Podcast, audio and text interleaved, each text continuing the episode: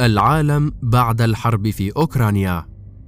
إن قراءة أولية للحرب الدائرة في أوكرانيا قبل أن تبين نتائجها تسمح ولو بمخاطرة بأن تتوقع عالم ما بعد هذه الحرب وذلك بما هو أبعد من نتائجها على أوكرانيا.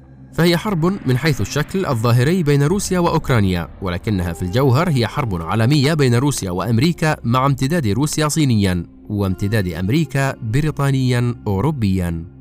صحيح أن انخراط أمريكا وأوروبا في الحرب إلى جانب أوكرانيا لم يتخذ سمة مشاركة عسكرية مباشرة ولكنها مشاركة عسكرية أو شبه عسكرية. وذلك عندما تصل العقوبات الاقتصادية ضد روسيا إلى ما وصلت إليه وقد اعتبرها بوتين بأنها إعلان حرب عمليا. ويمكن أن يضاف إليها ما راح يتدفق على أوكرانيا من أسلحة ومتطوعين فضلا عن الحملة الإعلامية والسياسية الشعواء على حد روسيا وبوتين شخصيا. وقد وصلت إلى حد التهديد بمحاكمته كمجرم حرب وفرض عزلة دولية عليه. وصحيح أن انخراط الصين إلى جانب روسيا لم يتخذ شكل دعم عسكري ولا حتى سياسي بالكامل ولكن يكفي أن يكون دعما ماليا واقتصاديا مع رفض الإدانة كما تطلبها أمريكا لتعتبر الصين إلى جانب روسيا في الحرب وتلوح باتخاذ إجراءات وإنزال عقوبات ضدها. هذا وذاك يؤكدان أن الحرب في أوكرانيا هي حرب عالمية في الجوهر وستؤثر نتائجها في تشكل العالم من بعدها. لنفترض بأن هذه الحرب مع تصعيدها عسكريا دون الوصول إلى الحرب الكونية الثالثة التي تطلق فيها القنابل النووية سواء أكان بحجم واسع أم محدود أم بمستوى شامل أو جزئي. أي لنفترض بأن هذه الحرب ستنتهي باتفاق روسي أوكراني وقد لبيت المطالب الروسية الأساسية وهي حياد أوكرانيا وعدم تسلحها بما يهدد الأمن القومي الروسي وبالتفاهم داخليا على إحياء اتفاق مينسك أو مينسك 2 وهو ما يعتبر كانتصار لروسيا على أن هذه الخاتمة للحرب تعني وقفها كما هي دائرة الآن ولكن مع استمرار امتداداتها لا سيما العقوبات. وما تكرس من توتر في العلاقات الروسية الأمريكية والأوروبية كما الصينية الأمريكية. أمريكا كانت وراء مساعي ضم أوكرانيا للناتو والأهم كانت وراء ما حدث من انقلاب في عام 2014 في كييف. وتشكل نظام معادل لروسيا وما نجم عن ذلك من انقسام أوكراني أوكراني. غرب وشرق. وأمريكا هي التي أوصلت الوضع الجديد في أوكرانيا إلى تهديد خطير للأمن القومي الروسي. ومن ثم إجبار بوتين على شن الحرب في الرابع والعشرين من شباط فبراير عام 2022 على أوكرانيا. وقد اهتبلت أمريكا هذه الحرب لتطلق أشد عقوبات على روسيا وتسعى لفرض عزلة دولية عليها مع توريطها في حرب تستنزفها مع الجيش الأوكراني الذي سلحته بالمضادات المتطورة للطيران والدبابات. وأمنت له كل دعم للمضي في الحرب إلى أبعد مدى. لهذا عندما تنتهي الحرب وفقا لتصور أعلاه ستواصل أمريكا حربها الاقتصادية والسياسية والإعلامية ضد روسيا وامتدادها ضد الصين. الأمر الذي سيدفع روسيا والصين لإيجاد عالم اقتصادي خارج عالم الدولار والسويفت عالم العقوبات. وقد أخذ هذا العالم الاقتصادي السياسي يتشكل أثناء الحرب في أوكرانيا. معظم دول العالم لم تعد تحتمل الاحتكار الذي يمارسه الدولار على التجارة والتبادل العالمي. فثمة دول كثيرة لم تعد تحتمل ما راحت أمريكا تمارسه من عقوبات اقتصادية تؤدي إلى تجويع الشعب وخراب الاقتصاد.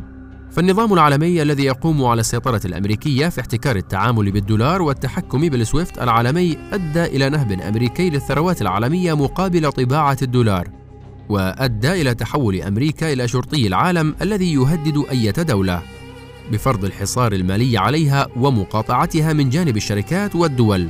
مما يوجب أن يبحث عن نظام عالمي موازن إذا لم يكن من الممكن إقامة نظام عالمي بديل وذلك لتحقيق درجة من العدل النسبي ولتخفيف درجة أو أكثر من الظلم العالمي. هذا الدور أخذ يفرض نفسه في أثناء حرب أوكرانيا ولا سيما عندما انتقلت أمريكا لتهديد الصين أيضا بالعقوبات إذا ما استمرت بمساعدة روسيا اقتصاديا. وقد أخذت تبرز الآن بدائل للتعامل في التجارة الدولية والتبادل الاقتصادي والمالي الدولي، بما في ذلك بالنسبة لبطاقات موازية للفيزا والماستر كارد. هذا النظام العالمي الاقتصادي الموازي الذي يخوض الحرب العالمية الآن من خلال روسيا والصين أثناء الحرب في أوكرانيا مرشح لجعل العالم أمام نظامين اقتصاديين يحمي كل منهما قوى عسكرية موازية أيضا لأن ما من نظام اقتصادي في العالم يمكن أن يقوم إلا بحماية ميزان قوى عسكري. إذ ما من دكان في شارع يمكن أن يفتح ويمارس عمله إلا ويجب أن يكون هناك شرطي أو مسلح يحميه فكيف بالنسبة لنظام اقتصادي عالمي؟ فما تمتعت به أمريكا من سيطرة احتكارية للدولار وللتبادلات المالية. جاء نتيجة انتصارها في الحرب العالمية الثانية وإلقائها قنبلتي ناغازاكي وهيروشيما. وخوضها حرب كوريا وإزاحتها لبريطانيا من سدة الزعامة العالمية. ومن هنا فإن ما يمكن توقعه لميزان القوى الجديد الذي سيتشكل في العالم على ضوء نتائج حرب أوكرانيا هو نشوء سوق عالمية موازية. قد تفرض أمريكا قطيعة تامة عليها وضدها.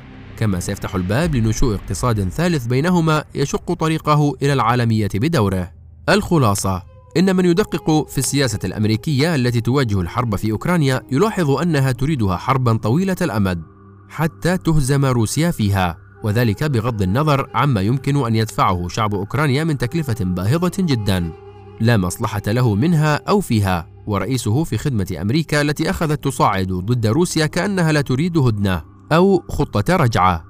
وإلا ما معنى أن يعتبر بايدن بوتين مجرم حرب غير الذهاب بالحرب ضد روسيا إلى آخر مدى أي أن أمريكا ستواصل العقوبات والمحاصرة السياسية حتى بعد أن تضع الحرب أوزارها ويبدو أن الحرب لن تتوقف إلا ضد رغبتها. هذا يعني أن مرحلة عالم متعدد القطبية أخذت بالانتقال مع هذه السياسة الأمريكية إلى مرحلة القطبية المتعادية. وقد تكون أشد نكرا من حالة معسكري الحرب الباردة حيث ساد بينهما نوع من الوفاق الدولي أي الانقسام إلى كتلتي أقطاب بلا سعي للوفاق الدولي من جهة وإلى تعدد أقطاب إقليمية كبرى قد تشكل موضوعيا حالة أو حالات ثالثة من جهة أخرى.